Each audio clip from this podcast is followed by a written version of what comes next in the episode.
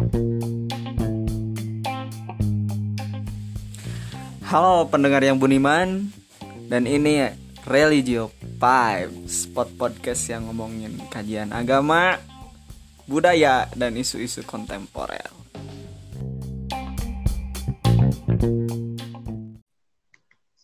Go! Halo. Oh. Oke teman-teman, sekarang aku sekarang aku nggak akan ngobrol sendirian lagi ya. Sekarang aku ditemani salah sama salah seorang teman aku, Ilham Maulana. Yeay, Oh, Profil. halo, halo. Kopila. Kadang itu, kadang itu, Ayah, kadang itu. ayah. Ayah. Ayah. Cirengit banjir tuh. Hah? Cirengit banjir tuh. Kamari, aduh. Banjir. Wah, eh, kemarin ada di Pangalengan, hujan. Pangalengan. kan hujan nanya di squad di tuaina ge cukrak deui. Wah, eh. Kali atuh. Asli Tong ngirim di banjir, eh tong, tong ngirim di cai badag. eh ngomong ke naonnya ya teh. Aduh, ngomong Kuma kuliah online eh, lancar, lancar. Eh, disebut efektif mah kumaha hanya. Eh, kumaha hanya. Biasanya Gitu sok ya. dina naon sih? Eh, Biasanya sok saware dina naon? aya nama di WA sih, di WA grup. Dina WA nu di Ini teman-teman jadi teman-teman kenalin eh, teman aku ini kuliah juga satu angkatan sama aku. Dia kuliah di UIN Sunan Gunung Jati Bandung. Ngambil jurusan apa? eh, akidah dan filsafat Islam. Asik. Kebetulan sekali kita dipertemukan dan di, eh, merencanakan kita untuk ngobrol di podcast ini. Soalnya aku mau ngangkat tema mau ngobrolin ini Ham. Eh, agama tinjauan filosofisnya itu kayak gimana gitu. Kalau nggak salah dulu sama jurusan filsafat Islam itu filsafat agama kan? Ah, filsafat agama. Hmm. Ini gimana tuh pengalaman belajar di filsafat agama? Soalnya aku udah udah tiga tahun lah bareng-bareng sama sama Ilham gitu dari sejak di pondok. Iseng-iseng kan masih udah Ah. filsafat. Aha. Gimana? Eh ceritanya di mana? Ceritanya di mana ya? Di awal, di awal, di awal, di awal iseng. Di awal pas pondok gitunya. Indonesia itu. Indonesia tuh pendengar Oh, aku sampai Oh, Merauke pendengar. soalnya. Ada. Siap. Awalnya mah ah ya awalnya eh, di pondok kan eh, saya sama Dede di jurusan eh, Ilmu Agama Islam, IAI. Jadi peminatan peminatan di jurusan tersebut teh eh, ilmu kalam. Lagi sih? Ilmu Ilmu hadis. ilmu tafsir, ilmu Ah. hadis. Aha. Nah, dalam pembahasan bela- mata pelajaran ilmu kalam, eh, sedikit disinggung lah eh, perkembangan ilmu kalam itu ada sangkut pautnya sama filsafat. Hmm. Jadi eh, di sana penasaran apa sih filsafat? Oh ternyata belum ngerti sih dulu juga filsafatnya apa. Gitu. Eh, masih rumit lah. Tapi kalau misalkan eh, metodenya kayak ya berpikirnya mendalam kayak gitu, seru lah kayak kayaknya gitu filsafat. Kayak ilmu kalam kan eh, nyari gimana apa sih mencari penca- mencari pendasaran secara logika untuk mempertahankan eh, mempertahankan apa sih namanya keyakinan beragamanya Hmm. Hmm. Ya. kan filsafat samalah eh, yang dipakainya kan logika yang dipakainya rasional rasio Eh, jadi ya seru kayaknya kalau misalkan ngambil filsafat kan nggak ada jurusan ilmu kalam gitu di perkuliahan Ya. lebih dekat ya. ke eh, filsafat lihat di UIN ada oh iya pas itu teh kan jalur masuknya ada span PTKI-nya namanya lewat jalur nilai gitu Nilai ya, ah nilai lapor. nilai rapor ah iseng-iseng aja gitu Eh, kalau misalkan keterima ya syukur kalau enggak ya gak apa-apa soalnya kan gratis kan span PTKI mah nggak bayar Aing tahu itu, aing tahu. Eh, Nah, daftar tanya eh, ini sih nggak nggak langsung nentuin ke akidah filsafat. Tadinya bimbang sama tasawuf dan psikoterapi.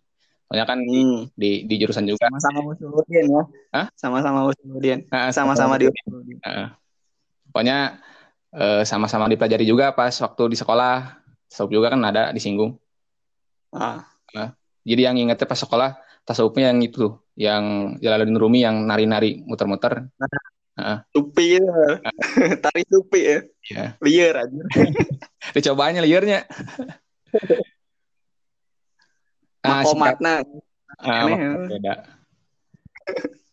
Singkat- Terus terus gimana? ah, singkatnya keterima lah. Ada udah udah ada ini apa? Pengumuman span, span PTKIN diterima di Oh. akhir dapat Islam. Nah, dari sana we mulai respon-respon orang-orang terhadap jurusan tersebut. Eh, ya, gitulah. Nah, itu yang unik, Kam. Soalnya eh, beberapa orang ada yang bilang bahwa filsafat itu sesat, filsafat itu haram, kayak gitu kan. Ya, Jadi kenapa aku mau ngomongin soal agama tinjauan filosofisnya itu kayak gimana? Soalnya kita terkadang beragama itu ya bisa dikatakan eh apa ya? tekstual lah, tekstual terlalu dogmatis gitu, terlalu terlalu apa? terlalu mengagungkan doktrin, doktrin agamanya tanpa nalar gitu.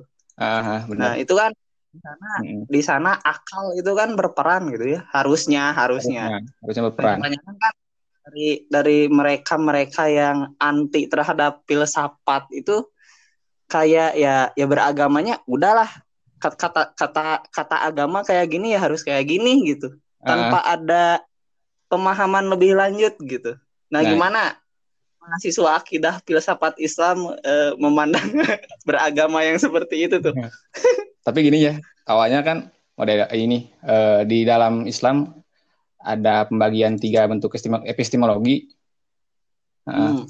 Ya ya. ya- ya ada yang burhani, ya burhani lebih ke condong ke ilmu kalam atau filsafat lah. Eh, Nah, Terus eh, bayani tekstual, ya misalkan hmm. orang-orang yang eh, berkutat dalam dunia fikih lah. nah, Terus yang ketiga kan kayak gitu. eh, fuqaha, yang terakhir eh, irfani, orang-orang tasawuf.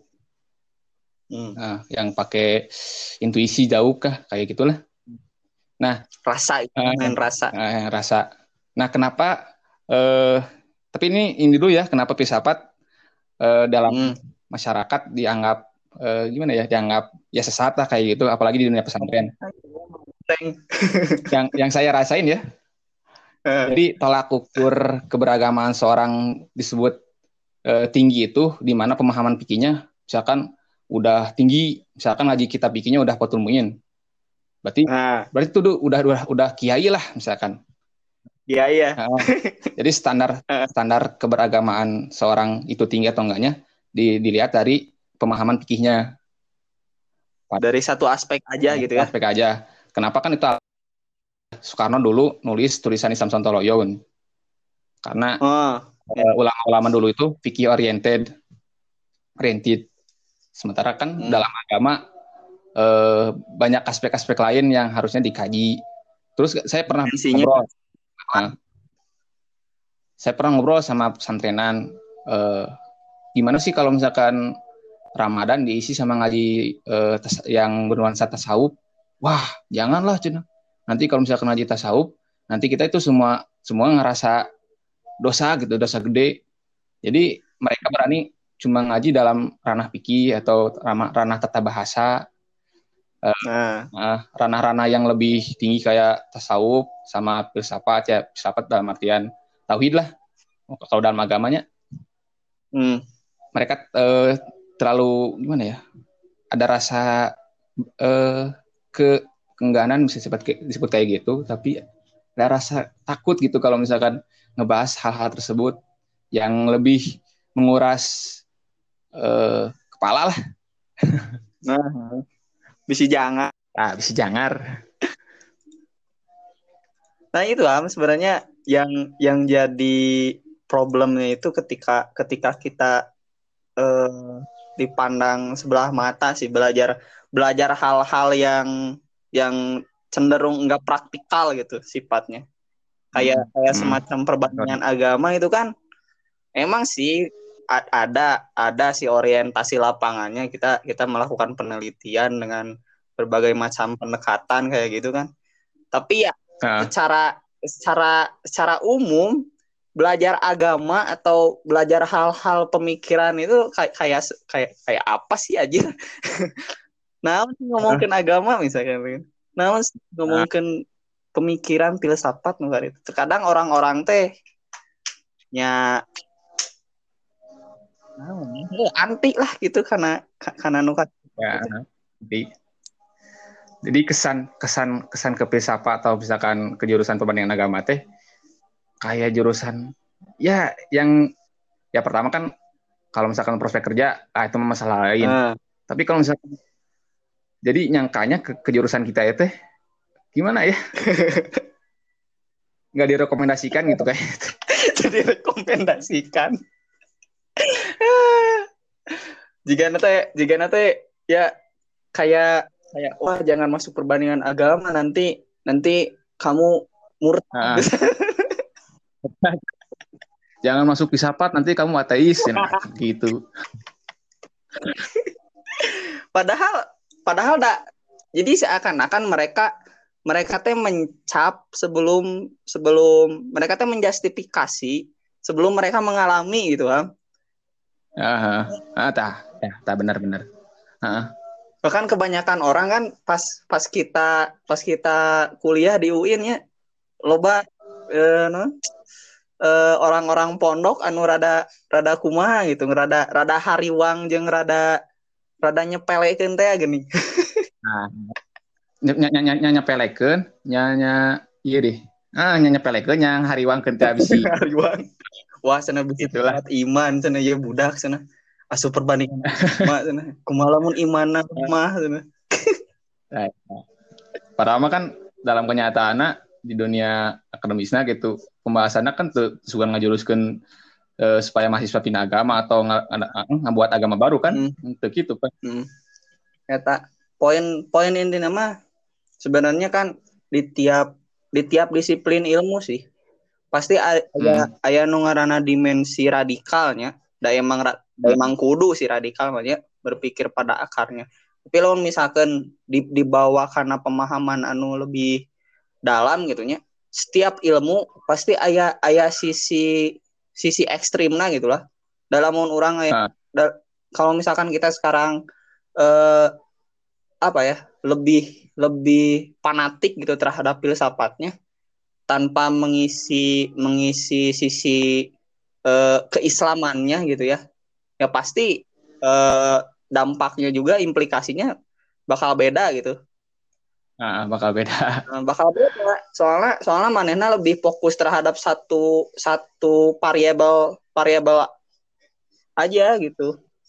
Hmm. kan judulnya judulnya juga akidah dan filsafat Islam. Berarti keislamannya kudu ayam merenya Ah. jadi seakan-akan orang orang-orang nggak nggak mandang itu gitu. Nah eta nah kembali lagi ke pertanyaan awal gimana agama ditinjau secara filosofisnya? Eh panitia judulnya agama ditinjau dari eh ditinjau secara filosofisnya. Eh, kalau misalkan dalam kuliahan mah itu teh filsafat agama kayaknya mah ini teh. agak di aga- agama teh jadi objek materialnya terus teh eh, filsafat jadi objek formalnya hmm, jadi, jadi agama di- dikupas sama filsafat kan kayak gitulah ininya. Intinya berarti gitu ya.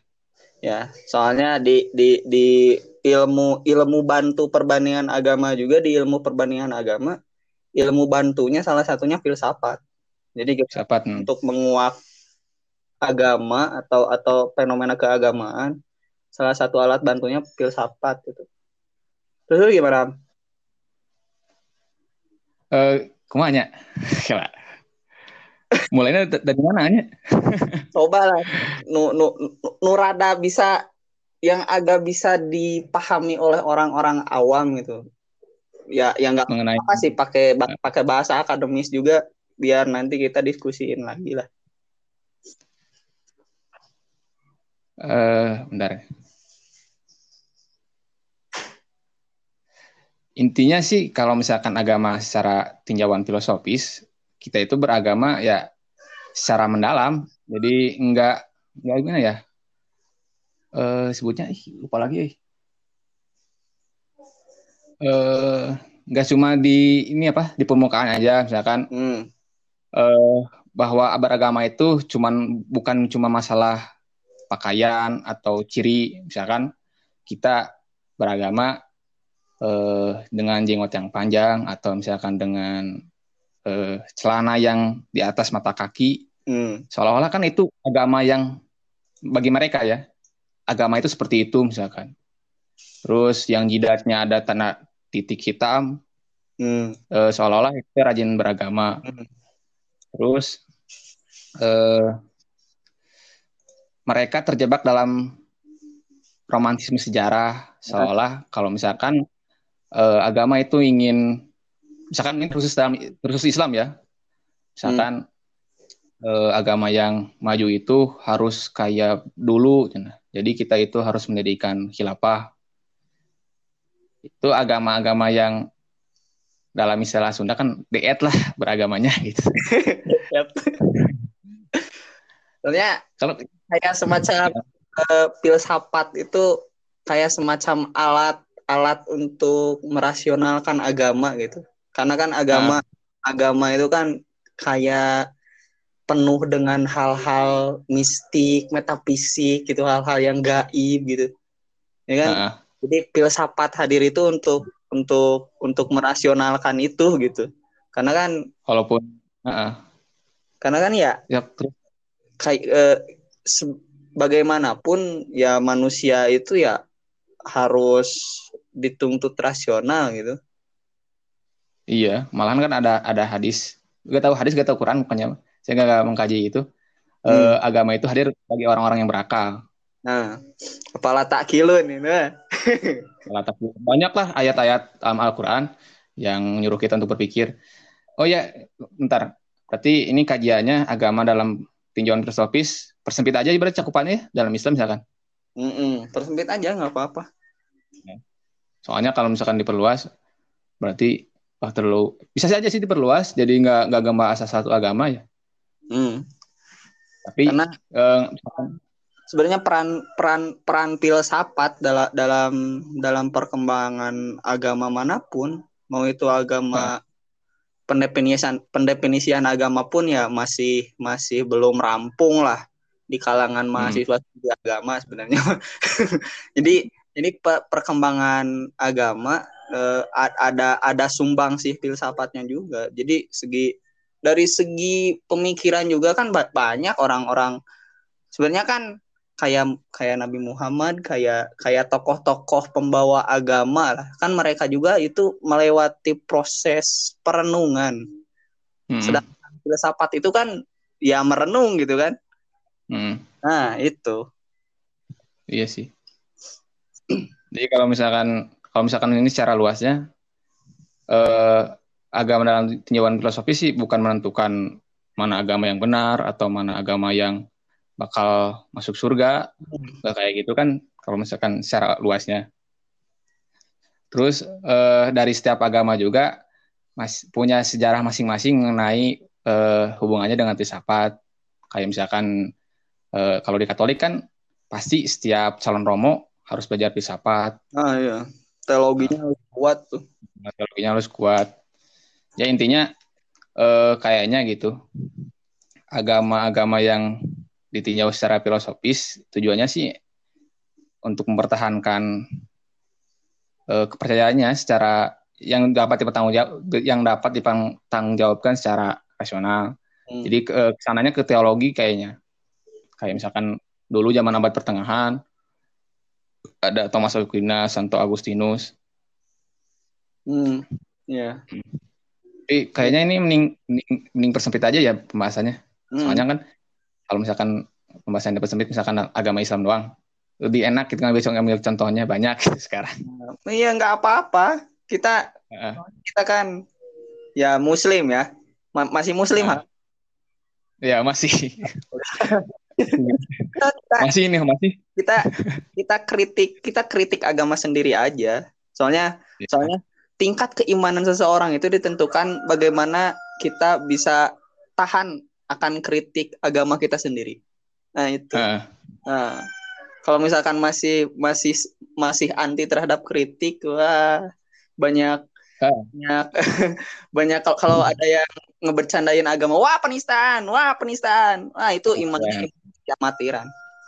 Matiran. ya intinya berarti eh, agama dalam dunia filosofis itu eh, berarti ngebahas agama secara mendalam, rasional, menyeluruh, sistematis, logis dan bebas. Bebas ya, nggak nggak harus terikat. Wah, lu jangan bilang kayak gitu nanti kafir. Ini ini dalam dunia akademik kan wajar kalau misalkan ada eh, kritikan-kritikan yang misalkan kalau dalam dunia pesantren itu tabu, janganlah itu kamu eh, Hmm. atau misalkan Tahayul gitu nya. Hmm. ayo lah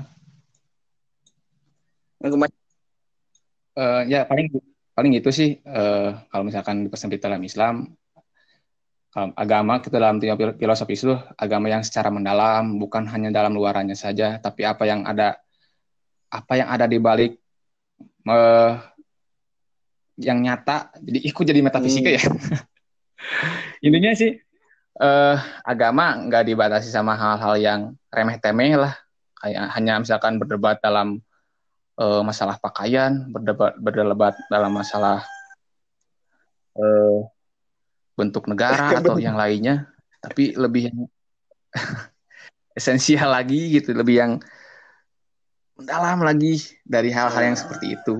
Ya kalau ka- kalau nggak salah juga nih ya, soalnya peran peran filsafat itu ya kita ki- kita maknai filsafat itu eh, de- dengan berpikir.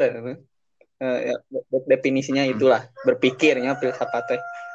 Berpikir itu identik dengan dengan logika lamun di pesantren mah aya mantik gininya Mantiknya kita nanti biasanya sulam munawarok aya, aya biasanya. mantiknya lamun di pesantren mah.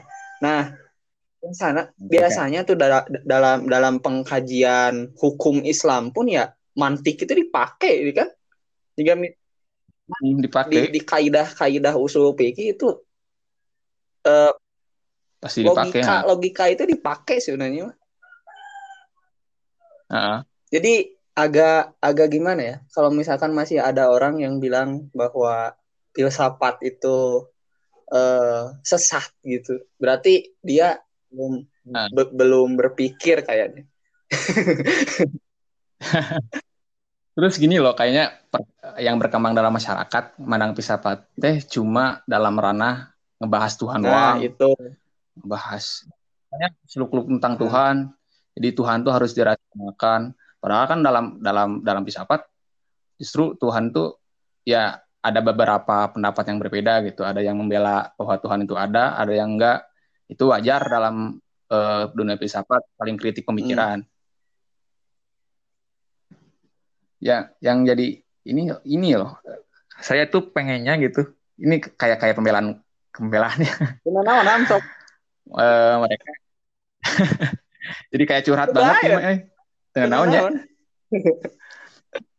Ah, harusnya mereka itu mandang filsafat jangan hanya seperti itu aja. Malahan ya, ada yang bilang kan, oh dia cina filsafat di dunia Sunni itu mati gara-gara bukunya Al Ghazali yang Tahaput Al Falsifah.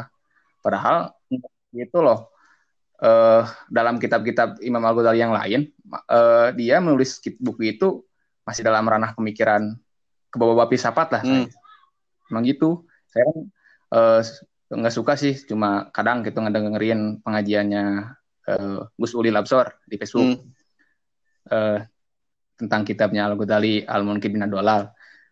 Jadi eh, Al Ghazali seber- Al Ghazali sebenarnya nggak ngeharamin filsafat, nggak gimana, cuma harus hati-hati doang. Terus ada beberapa aspek lain dari filsafat yang bagus gitu bagi perkembangan agama. Hmm. Soalnya ada eh, eh, apa ya? Kultur sab kultur eh, mazhab Syafi'i itu emang kehati-hatian gitu ya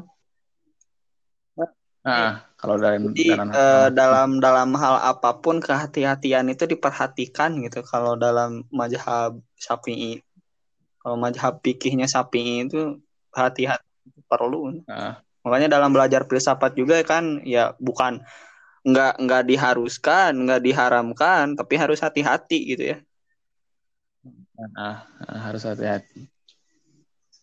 Terus malahan mah yang unik teh gini, Eh, kan di jurusan saya di filsafat ya, eh, ilmu logika itu dipelajari semester-semester awal, Ya, tapi tapi dalam dalam pesantren saya nanyain ke teman saya yang pesantren, justru ilmu mantik itu ilmu yang udah tinggi lah. Kalau misalkan udah beberapa tahun pesantren baru ngaji ilmu mantik, loh kok di atas gitu sih? Saya mah belajar awal-awal logika. Nah, kayaknya misalkan kalau misalkan ilmu logika dipelajari sejak awal, kayaknya bagus bagi perkembangan eh, agama gitu, Hmm. khususnya Islam. Iya. Nggak hanya di ranah agama doang gitu. Kay- Kayaknya di kehidupan sehari-hari juga logika kalau misalkan dipelajari Nah. sejak dini gitu ya. Bagus tuh. Jadi nggak Iya, iya. Nggak bakalan banyak orang yang main TikTok gitu, gara Roblox. Orang-orang tuh lebih lebih hal, milih hal anu Nah, bermanfaat itu. lah. Hal-hal yang lebih rasional bisa diterima oleh akal lah gitu. Ya, kayak Ya, gitu. Kalau misalkan konteksnya dalam eh, fenomena keagamaan ya eh apa ya? Banyak lah. Apalagi kalau kalau konteksnya dalam Islam gitu. Nah, Eh kembali naonnya he kasus itu teh geuning ham anu anu pas Ridwan Kamil diondang diondang diskusi ini. Nah, ini nih, bener nih harus dibahas. Jadi bener kan agama dalam tinjauan filosofisnya kayak gini. eh, jadi kan orang-orang beragama teh nggak mudah eh, di disusupi atau di Dibodoh-bodohi lah. dibodohi sama pemikiran yang ah nggak rasional. Terus kan kemarin kiamat. Terus beberapa waktu lalu mengenai Illuminati. Kita kan ke Ustadz tersebut bilang bahwa lambang eh apa bentuk bentuk masjidnya kayak eh, lambang Illuminati. Nah, ini ini loh harusnya agama dipahami secara filosofis deh. Kok eh, cuma gara-gara bentuk kayak gitu kita harus jadi ik- ikutan jadi imu- ilu- Illuminati otomatis kayak gitu kan nggak mungkin lah. Terus ini kiamat eh kemarin 15 Ramadan ya Kayak duhon. kalau kayak duhon kalau kita misalkan ya beragamanya secara mendalam nggak akan mudah percaya ke sama hal-hal gitu kayak gitulah. Kita pasti lebih kritis terhadap hal-hal yang ah, apa sih? Apa, apa hubungannya sih? Eh Joel eh kiamat? Ciri-cirinya juga eh, belum ada sama sekali. Eh bukan nggak ada sama sekali sih.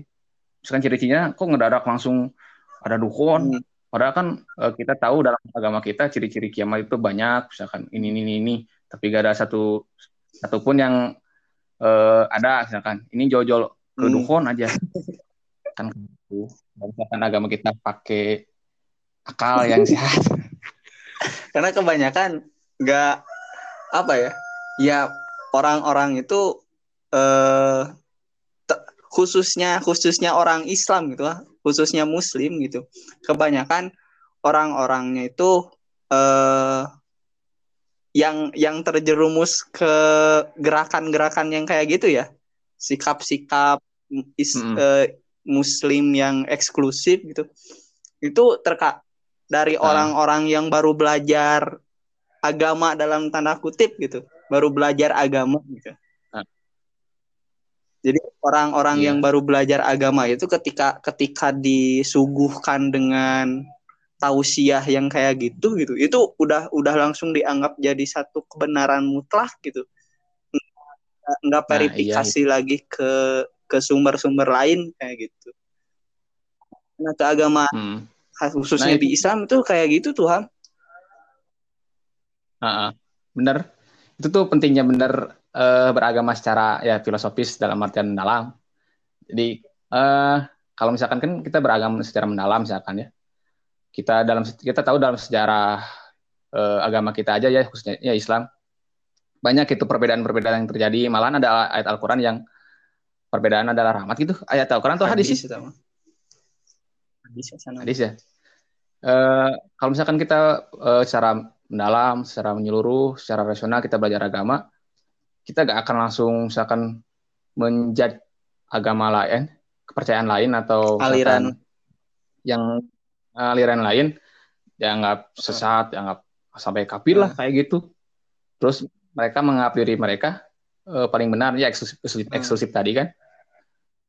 Kalau misalkan kita belajar secara menyeluruh agama secara mendalam, nanti kita jadi jadi orang yang beragama secara inklusif kan bukan hanya sama bukan hanya bisa bergandengan sama teman-teman seagama yang beda pandangan tapi dengan agama yang lain juga hmm, betul ini kayak kayak uh, beragama khususnya khususnya di Islam gitu ya jadi orang orang hmm. orang yang uh, baru belajar agama terus terus nemu materi materi keagamaan yang uh, hanya hanya meng uh, mencap kebenaran sepihak gitu tanpa tanpa memandang nah. kebenaran-kebenaran yang lain. Jadi kayak ya ya jatuhnya jadi jadi ya, ya ya dia yang paling benar gitu. Jadi truth truth claim itu uh, berlaku Benar. gitu. Bahkan kalau misalkan dalam ilmu kalam gitu kan dalam wah budak-budak budak akidah filsafat pasti paham lah tentang histori munculnya aliran-aliran kalam. Lalu misalkan anu hararijrah hmm. apal gitu nya karena sejarah eta jika nah. ada mual ada mual jika kia beh nya hmm, hmm. ah, jadi harusnya gitu uh, orang-orang ya khususnya pemuda gitu ya pemuda yang uh, sekarang lah sebutnya dalam tanda kutip orang-orang eh, anak-anak hijrah hmm. mereka harusnya lebih mendalam gitu mengkaji agama melihat secara sejarah apalagi uh, ya misalkan sejarah dari Rasulullah sampai sekarang gimana uh, uh, apa, aja sih yang ada di sana terus kenapa mereka bisa uh, maju sih ada, ada zaman kemasan waktu saat itu. Oh, karena ada misalkan ilmu pengetahuan berkembang saat itu. Uh, gini gini gini misalkan. Eh, sekarang kan yang berkembang justru ceramah-ceramahnya tentang hmm. kamu ini kan itu beragama secara lah dangkal banget gitu. Beda beda banget kalau kita beragama secara filosofis. Secara filosofis kan uh, kita kalau kalau kata berarti ada ada kita melihat uh, suatu lebih dalam, lihat melihat suatu di balik suatu yang nampak. Apa sih sebenarnya hmm. tujuan dari agama kita? Apakah uh, sebagai rahmatan lil alamin, khususnya Islam ya ini Islam kan? Atau hmm. sebagai apa gitu? Kan sekarang yang berkembang hmm. itu kan rahmatan lil alamin. Eh rahmatan lil alamin ya tetap ada, cuma yang dipahami orang-orang beragama sekarang yang ya pemahamannya dangkal justru mempersempit gitu makna agamanya sendiri. Nah, itu mempersempit makna agama kalau kalau nggak agama sambil berfilsafat itu. Uh-uh. kayak kayak kontradiktif juga sih ya. Jadi ketika ketika orang-orang hijrah itu mendambakan kejayaan eh, peradaban Islam yang maju gitu kayak ya abad 3 sampai abad abad 7 uh, eh, Masehi gitu. Ketika zaman-zaman keemasan Islam lah. Mereka menambahkan itu tapi mereka anti terhadap filsafat, ilmu pengetahuan kayak gitu. Nah, iya, Bang sumbang sih sumbang sih kemajuan peradaban Islam kan dulu ya karena tidak adanya pendikotomian antara mana mana agama, mana filsafat, mana ilmu pengetahuan gitu. Hmm. Bisa akan kontradiktif juga sih. Jadi sekarang eh, pemuda-pemuda yang baru hijrah gitu dalam tanda kutip mereka menambahkan kejayaan Islam tapi mereka juga anti terhadap terhadap pemikiran-pemikiran yang progresif gitu yang yang revolusioner gitu. Kayak gitu ta iya bener banget. Iya kan? Jadi kontradiktif banget lah. Nah sih anjir gitu gitu tuh jadi jadi orang teh hayang kuku lutus ham sebenarnya mah eh, kak kak jalan nukalar itu tapi tapi orang teh boga kene adab gitu maksudnya teh sebel orang ningali namun misalkan di dina kolom komentar komentar di IG ya di medsos uh-uh. nyara ramah aja gitu maksudnya kontradiktif juga tuh maksudnya mereka teh Islamis tapi tapi ketika ketika ada orang-orang yang berbeda pendapat atau pandangan dengan dia dia bukan bukan me menyajikan argumentasi tapi tapi mereka malah malah menghujat nah iya. mendiskriminasi. Aduh anjir si aing itu teh iya ngebantu dari beragama yang heret gitu. Oh ya ini yo uh, beberapa waktu lalu saya dengar dari guru saya uh, tentang perbedaan antara orang-orang pesantren sama orang-orang yang ya orang-orang Muslim dalam artian orang-orang yang beragamanya misalkan berdasarkan uh, rujukan-rujukan literatur yang bersanad klasik uh, yang klasik hmm. yang benar-benar dapat dipertanggungjawabkan secara ilmiah dengan orang-orang yang di luaran sana yang belajar cuma berasal dari YouTube, Google atau ustadz-ustadz yang ya kayak gitulah apa-apa uh, amatiran, karbitan, karbitan. Jadi uh, mereka yang beragama secara yang kayak di luaran tadi yang sumbernya nggak jelas kayak Islam ini kayak Islam Patromax hmm. kalau misalkan orang-orang santrenan itu Islam Islam cempor jadi, hmm. jadi kayak gini kan Islam Patromax kan gimana minyaknya kan banyak eh minyaknya kan ya banyak terus deh terus deh dikompa biar eh, cahayanya biar nanti terang. Nah, biar terang gitu tapi cepat hmm. habis Uh. Nah kayak gitu sekarang juga misalkan orang-orang pemuda emang masih masih muda semangatnya gede. Terus dikomporin. Semangat uh, terus. uh, padahal mah uh, pemahamannya itu baru dikit. Hmm. tapi uh, disemangatinya gede banget. Tapi berusaha kayak mau ngasih cahaya gitu buat orang lain ya. Padahal padahal nggak lama bakal bakal parem gitu. Kalau isam tempor uh, minyaknya banyak, tapi senen teh si apinya teh dikit. Emonya banyak, tapi gak ada keberanian buat misalkan ke bikin channel YouTube kayak mereka lah. Kan mereka hit banget. Emang sekarang sih alhamdulillah udah banyak orang-orang atau santri-santri yang atau kiai-kiai yang udah ngerambah media sosial. Udah mau menerangi secara apa sih ya nggak nggak dalam lingkup pesantren doang keluar gitu. Kalau misalkan dulu mah kan Islam cempur jadi si senenya teh si apinya teh cuma dikit tapi ilmunya banyak gak dikeluarin semuanya. Jadi perbedaannya lihat tapi manfaat. Tapi manfaat gitu angan nah, sana aja saya tikung ya. Dengan waktu yang lama gitu nyangan nanti enggak enggak apa sih? Uh, untuk sakalian uh, musim-musiman gitu Nah, benar juga, benar juga tuh. Itu analogi-analogi kayak gitu tuh ya perlu perlu pemahaman palsapati gitu. Itu kan nah. apa?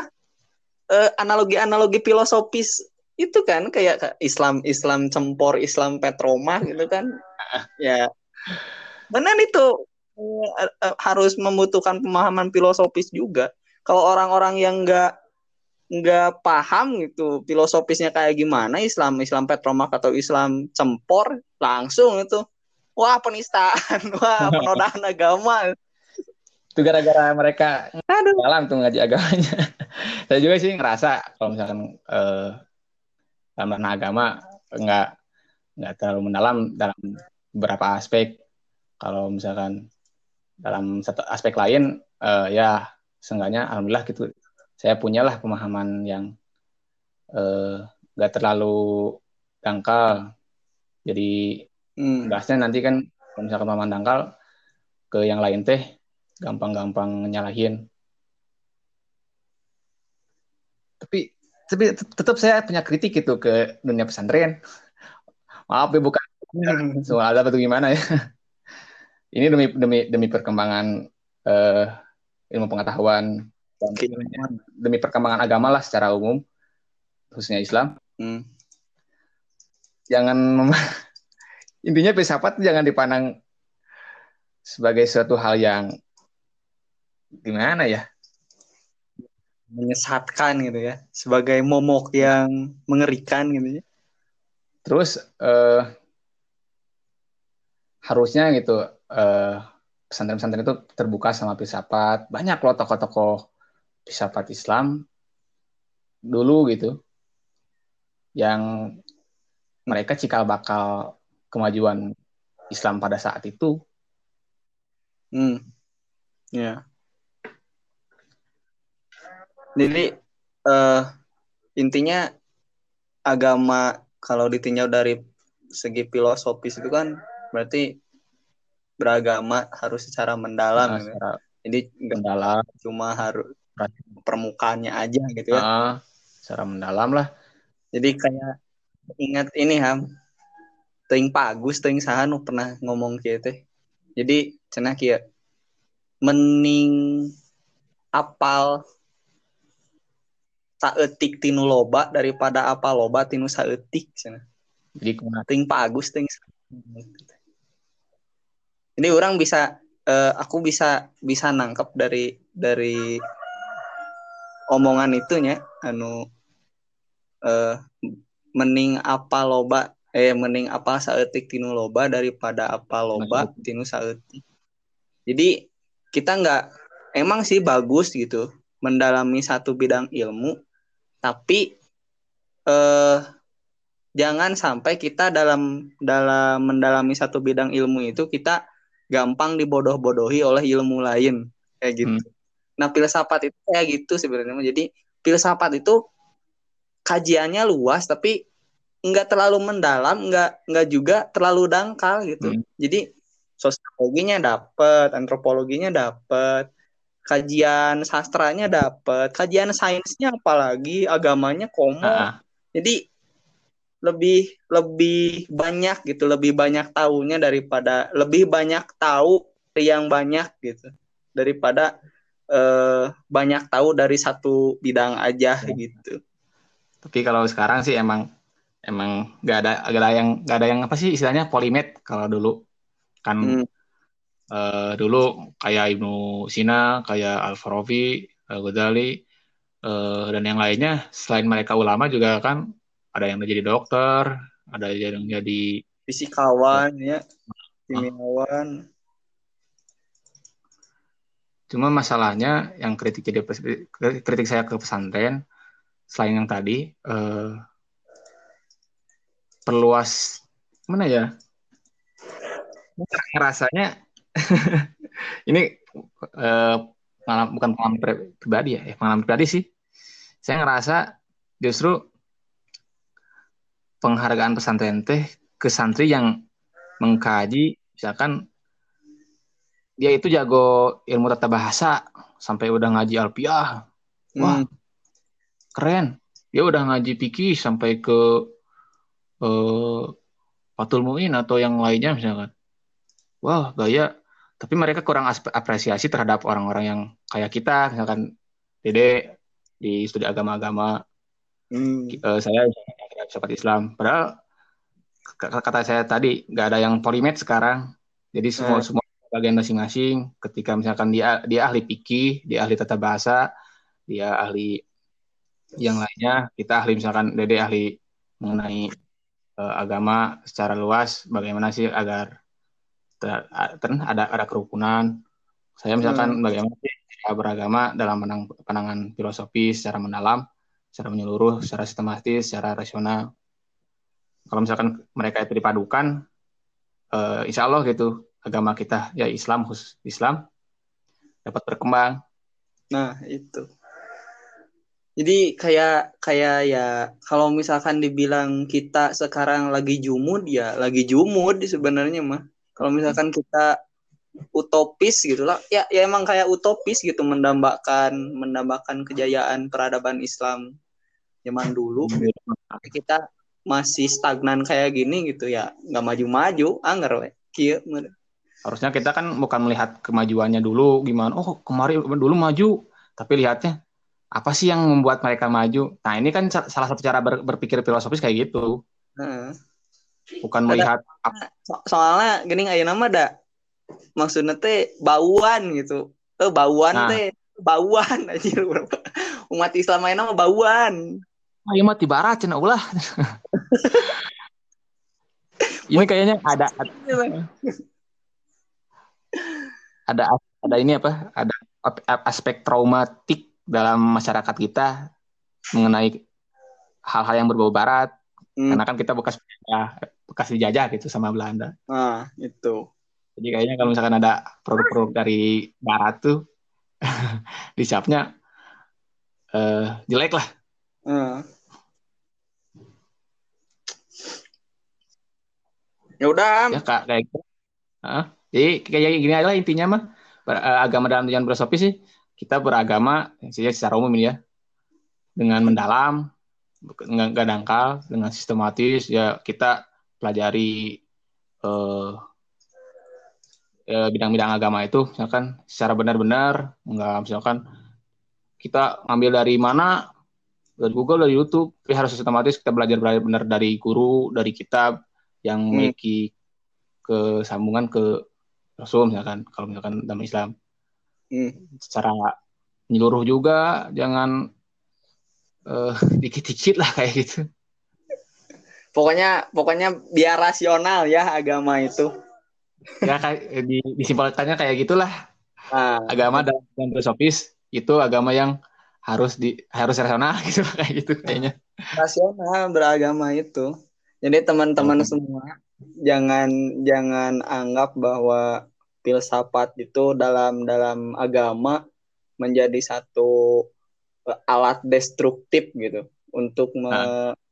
untuk mereduksi gitu untuk untuk mendekonstruksi agama tapi tapi bukan bisa rekonstruksi justru fungsinya ya untuk untuk merasionalkan hal-hal hal-hal yang yang sebenarnya itu nggak bisa kita argumentasikan secara logis dan bisa diterima oleh orang lain karena nah. kita mempertahankan keimanan kita harus mempunyai dasar argumentatif juga. Ini kalau misalkan iman iman teman-teman masih masih masih amatiran, masih lemah, terus kali uh, teman teman-teman uh, kurang argumentasi atas keyakinan teman-teman ya gimana gitu. Bisa jadi, jadi teman-teman bisa pindah agama karena agama agama lain lebih rasional daripada agama kita, ya kan? Oke, terima kasih Ham. Udah udah yep, nemen obrolan kita pada episode kali ini. Oh iya maaf ya, nggak nggak ini apa? Ngomongnya nggak sistematis ya, saya aduh. Bodo biar ramean nungkul, gabut. Tapi uh, terima kasih buat Ilham ya. Semoga kuliahnya lancar, Ham. Amin. cepat cepat lulus. Nggak tepat waktu tapi di waktu yang tepat gitu ya. Eh? Waktu yang tepatnya. Nah di bukan waktu yang tepat. Bu. Waktu. Jangan pengen cepet-cepet lah. Naon udah mau gawe udah bingung orang gawe naon nah. siapa gue gawe na kita kita satu nasib lah dalam, dalam soal itu ham.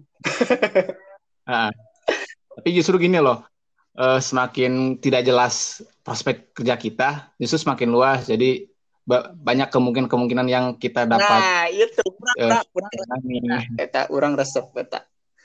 Kita kita bikin uh, apa quotes hari ini.